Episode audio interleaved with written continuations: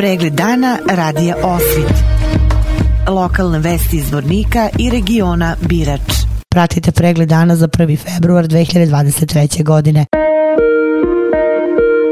Zameni gradonačelnika Zvornika Bojan Ivanović i ministarka prosvete i kulture Republike Srpske Željka Stojičić posetili su Zvornički srednjoškolski centar Petar Kočić, gde su se upoznali sa radovima na rekonstrukciji školskog restorana. Radovi se odvijaju kroz IPA prekogranični projekat između Srbije i Bosne i Hercegovine pod nazivom Zdravi i bezbedni gastronomski proizvodi kao potencijal za novo zapošljavanje mladih, a koje finansira Evropska unija, a radove finansira gradski budžet.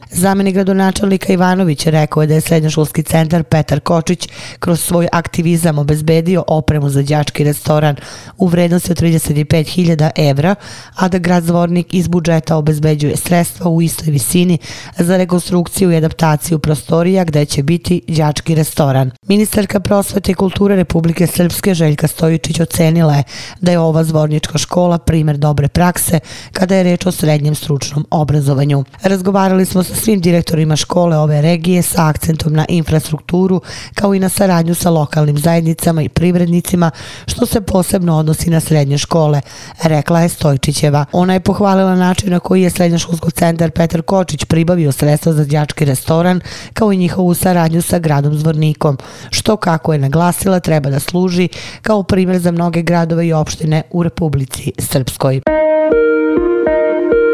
Ministar unutrašnjih poslova Republike Srpske Siniša Karan i direktor policije Siniša Kostrešević posetili su policijsku upravu Zvornik i policijsku stanicu Bratunac.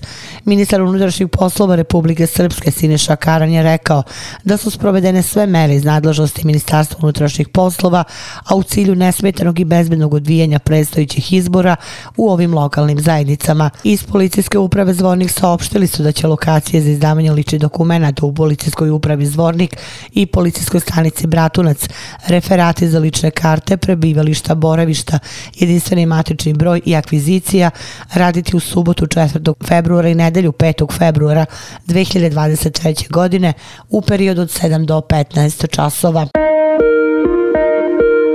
U porodilištu Zvorničke bolnice tokom meseca januara 2023. godine rođena je 51 beba, od toga 21 devojčica i 30 dečaka. U januaru 2023. godine je rođeno 18 beba više nego u januaru 2022. godine, kada su ukupno tokom meseca novorođene 33 bebe, 18 dečaka i 15 devojčica. Javni poziv za raspodelu sredstava iz gradskog budžeta za finansiranje i sufinansiranje sportskih organizacija i udruženja u 2023. godini produžen je do 8. februara tekuće godine. Odluku o dodali sredstava doneće Skupština grada na predlog Komisije za sport i kulturu, a nakon sprovođenja javnog poziva. Za ovu namenu u budžetu grada Zvornika izdvojene je 800.000 konvertibilnih maraka. Na magistralnom putu Bratu na zgranični prelaz Bratoljub dogodila se saobraćena nezgoda u kojoj su povređena dva lica. U saobraćenju nezgodi su učestvovala dva putnička motorna vozila, a intervenisale su i vatrogasci i hitne službe. Policijske službenice i policijske stanice Bratunac su lišili slobode jednog učesnika saobraćene nezgode zbog prisustva alkohola u krvi u količini od 1,84.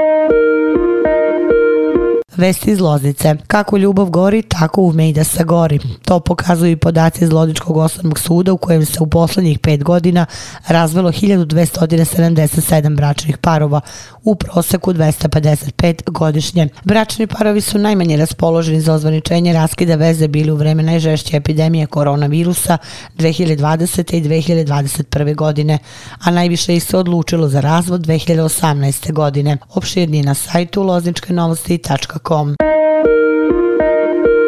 Pratili ste pregled dana za 1. februar 2023. godine. Hvala na pažnji. Pregled dana radija Osvit. Lokalne vesti iz Vornika i regiona Birač.